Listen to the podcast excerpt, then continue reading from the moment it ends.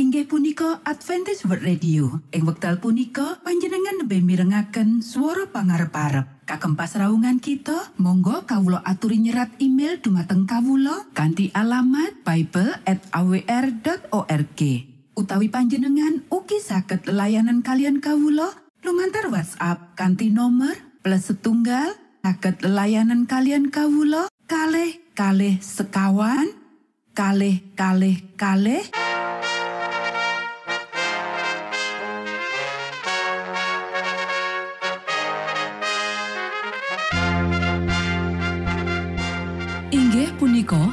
Adventist World Radio ingkang giaran kanthi basa Jawi. Tentrem rahayu kula aturaken kagem para mitra kinasih ing pundi papan lan panggonan. Sugeng pepanggian malih kalian Adventist World Radio.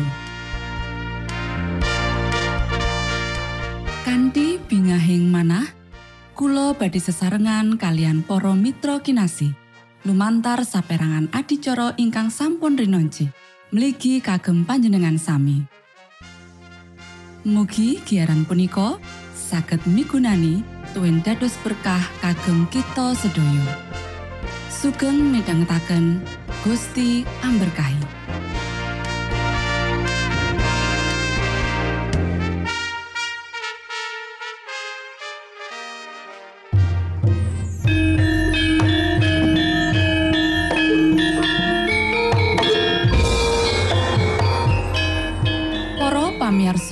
kinasih ing Gusti Yesus Kristus, sugeng pinanggih malih kalian Adventist World Radio. Ing wekdal punika, kita badhe sesarengan ing adicara ruang kesehatan ingkang saestu migunani kagem panjenengan saha kita sami. Tips utawi pitedah ingkang dipun aturaken ing program punika tetales dawuhipun Gusti ingkang dipunnyatakaken ing kitab suci. Semanten ugi sakehing seratan ingkang dipun wangsitaken dening Gusti Allah.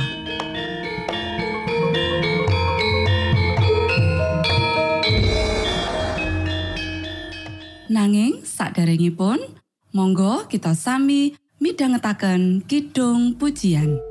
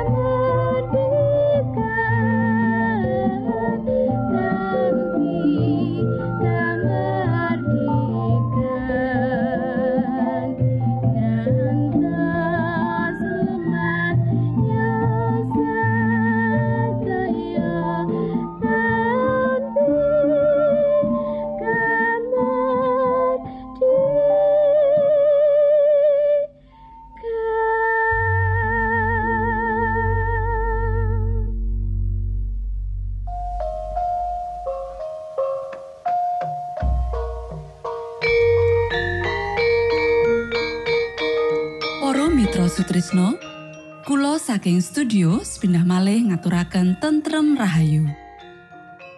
Puji syukur dumateng Gusti ingkang murbeng dumati ingkang sampun kepareng paring wewenngan kagem kita. Satemah saged nglajengaken ruang kesehatan. Pirembakan kita semangke kanthi irah-irahan. Panganan panutup gula perangan kapindo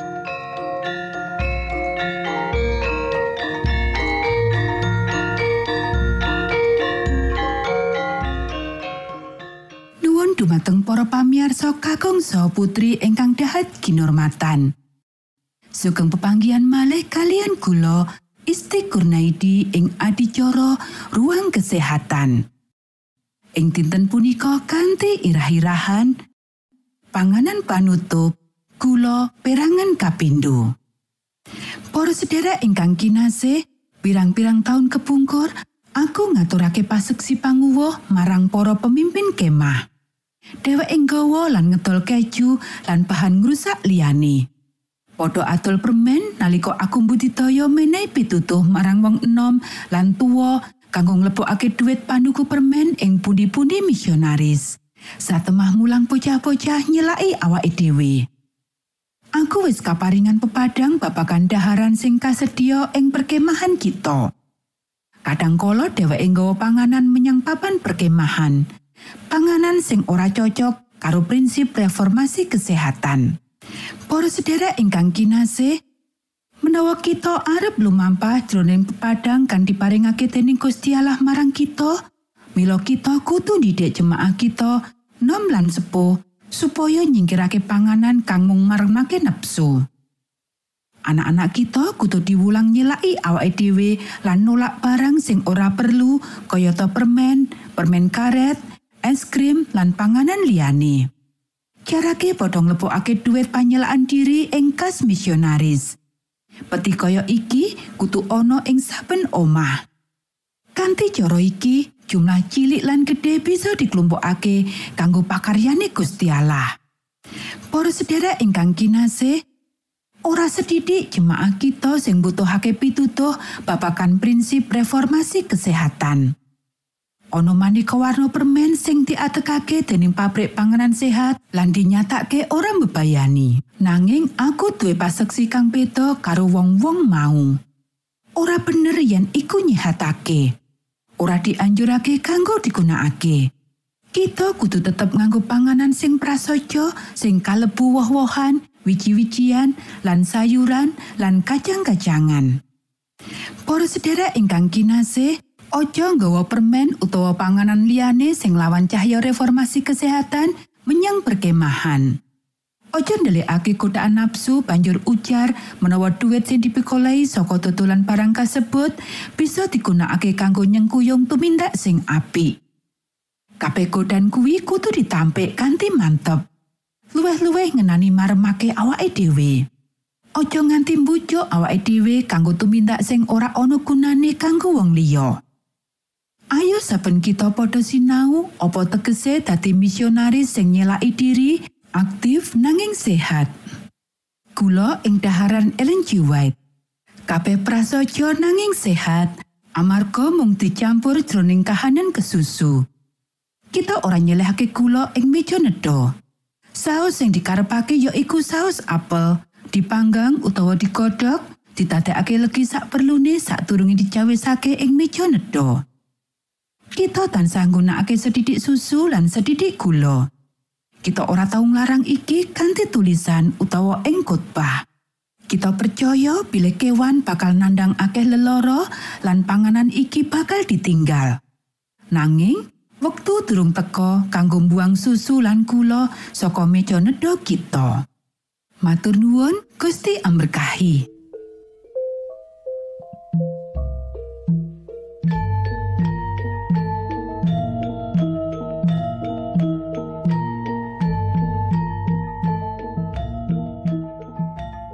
Semanten pimbakan ruang kesehatan ing episode dinten punika. Mugi pisegahan punika saged migunani kagem kita sami. ugi sampun kuatos jalaran kita badhe pinanggih malih ing episode sak lajengipun.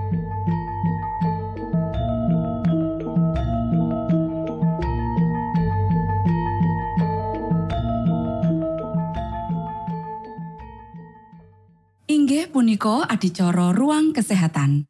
Menawi panjenengan gadah pitakenan utawi ngersakaken katrangan ingkang langkung, monggo kulo aturi kinton email dateng alamat ejcawr@ gmail.com utawi lumantar WhatsApp kanti nomor 025 pitu 00 songo songo papat 00 pitu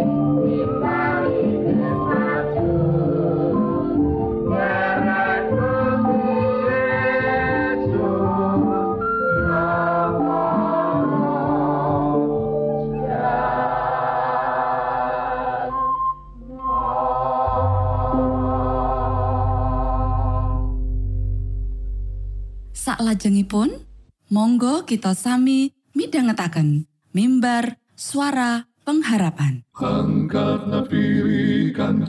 pawarto Sang Kristus paderamu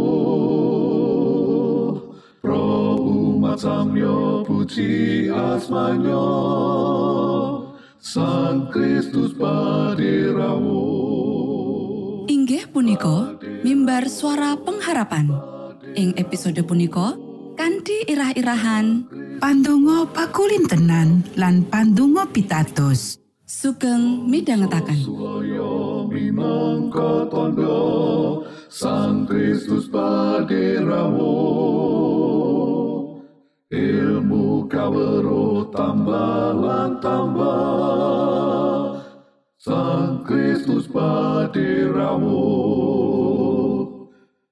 Paderamu Paderamu Sang Kristus paderamu Shalom, para pamiarsa ingkang kinasih wonten ing Gusti. Sakmenika kita badhe mitangetaken renungan Sabda pangantikanipun Gusti. Ing dinten punika kanthi irah-irahan Pandonga pakulin tenan lan pandonga pitados. Dawa pangantikanipun Gusti wonten ing Matius pasal 6 ayat pitu inggih punika yen kowe ndedonga Ojo ketahuan kaya adate wong sing ora wanuh karo Gusti Allah. Wong mau padha ngira yen Gusti Allah mirengake pandungane merga pandungane dawa. Para sederek, wonten kalih warni pandonga. Pandonga kagem kapirsanan tiang sanes lan pandonga pitados. Atur ingkang kawangsulan katemtokaken kakulintenaken nalika penggalih boten rumaos mbektahaken Gusti Allah. Menika pandonga pakulintenan. Kita ketah ngatos-atos wonten ing sedaya pandonga kagem ngaturaken estining manah lan namung ngaturaken menapa ingkang kita pikajengaken. Sedaya atur sinekar rinumpaka ingkang kita unjukaken boten timbang kabandingaken estining manah ingkang suci. Pandonga ingkang paling nengsemaken penggalih menika muspro, menawi boten gambaraken raosing manah ingkang saestunipun. Namung pandonga ingkang miyos saking manah ingkang estu-estu nalika estining jiwa ingkang prasaja dipun wiyosaken kados dene nyuwun pitulungan dumateng sekabat ing jagat menika angajeng-ajeng dipun sembatani menika pandonga pitados. Penagih pajak ingkang lumebet dumateng pitaleman suci badhe atur pandonga menika satunggalipun conto sae menggah panembah ingkang tulus lan pasrah. Piyambakipun sowan rumaos bilih dados tiang dosa lan kapektahan agengipun nuntun dumateng setunggalipun pepinginan kiat ingkang sumunar. Gusti Allah welasana kawula ingkang dosa menika. Para sederek, kagem rujuk dumateng Gusti Allah, kita ketah ngaturaken prakawis dumateng panjenenganipun setunggalipun prakawis kita ingkang nyoto. Seratanipun pamblasar kita ingkang panjang wonten ing ngarsanipun paningal ingkang langgeng. Seratan ingkang jangkep boten wonten panerak kita ingkang kasupekaken. Namung panjenenganipun ingkang kanthi margi ajaib andadar abdi-abdinipun nalika ing wekdal kina badhe mirengaken pandonga pitados lan maringi apunten dumateng panerak kita. Panjenenganipun sampun prasetyo lan panjenenganipun badhe netepi prasetyanipun. Para sederek, sak sampunipun kita ngaturaken panjuwunan kita, pramila kita ketah atur wangsulan piyambak sak saged-sagedipun. Boten nenggo Gusti Allah nindakaken kagem kita menapa ingkang saged kita lampahi piyambak. Pitulunganipun Gusti Allah ketah katunggilaken kalian budidaya, karso lan kegiatan menungso. Kita boten saged ngumantungaken pantunganipun tiang sanes ing mongko kita piyambak lirwo ing pantungo. Amargi Gusti Allah boten damel paugeran kados mengkaten dumateng kita. Keporo kegiatanipun Gusti boten saged ngastos setunggal jiwa dumateng swarga ingkang boten purun budidaya piyambak. Para sederek, sinambi minggah mboko setunggal pejak wonten ing tratakan sumunar tumuju kidanipun Gusti Allah. Oh, kados pundi asringipun kita badhe alit ing penggalih lan muwun ing sukunipun Gusti Yesus margi kita jabar lan kawon. Namung mugia sampun ngantos kendel ambudidaya. Kita sedaya saged dumugi swarga menawi kita purun ambudidaya kanthi estu nindakaken dawuhipun Gusti Yesus lan tuwa dumateng gambaring sariranipun. Jabaripun ingkang sawetawis kedah damel kita langkung suminde dumateng Sang Kristus. Lan kita kedah majeng kemawon kanthi manah ingkang suro. Pikajengan ingkang giat lan kekayuan ingkang boten saged kakonjengaken. Monggo kita sami ndedonga. Duh Rama kawula ingkang wonten ing swarga, asma patuko mugi kasucikaken. Kraton patuko mugi rawuh. Karso patuko mugi kalampahan wonten ing bumi kados dene wonten ing swarga. Kawula mugi kaparingan rejeki kawula sak cekapipun ing dinten punika. Soho patuko mugi ngapunten kalepatan kawulo, kados dene kawulo inggih ngapunteni tetiang ingkang kalepatan dhateng kawulo.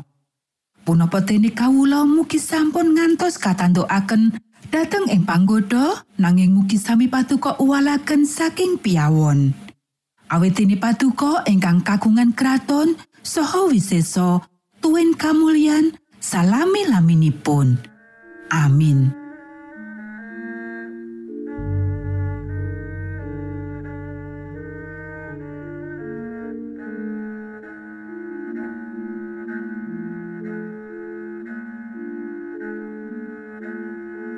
Mitra Sutrisno pamiarsa kinasih ing Gusti Yesus Kristus. Sampun paripurno pasamuan kita ing dinten punika. Inggih awit winatesipun wekdal pramila kita pisah sawetawis.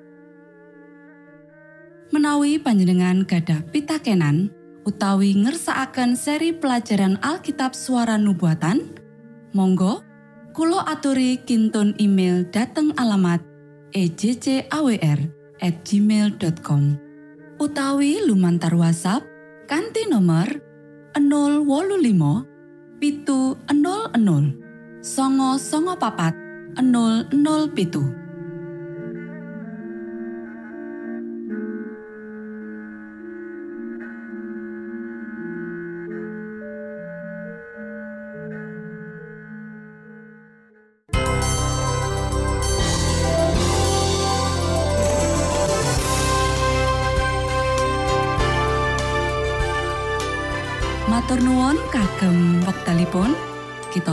pinanggih malih ing gelombang ugi wekdal ingkang sami.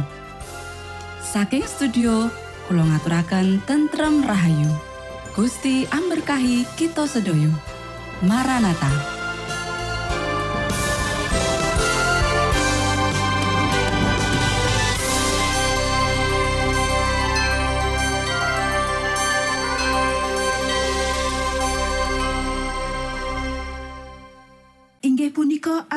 World Radio. Ing wekdal punika panjenengan lebih mirengaken swara pangarep-arep. Kagem pasraungan kita, monggo kawula aturi nyerat email dumateng kawula kanthi alamat bible@awr.org.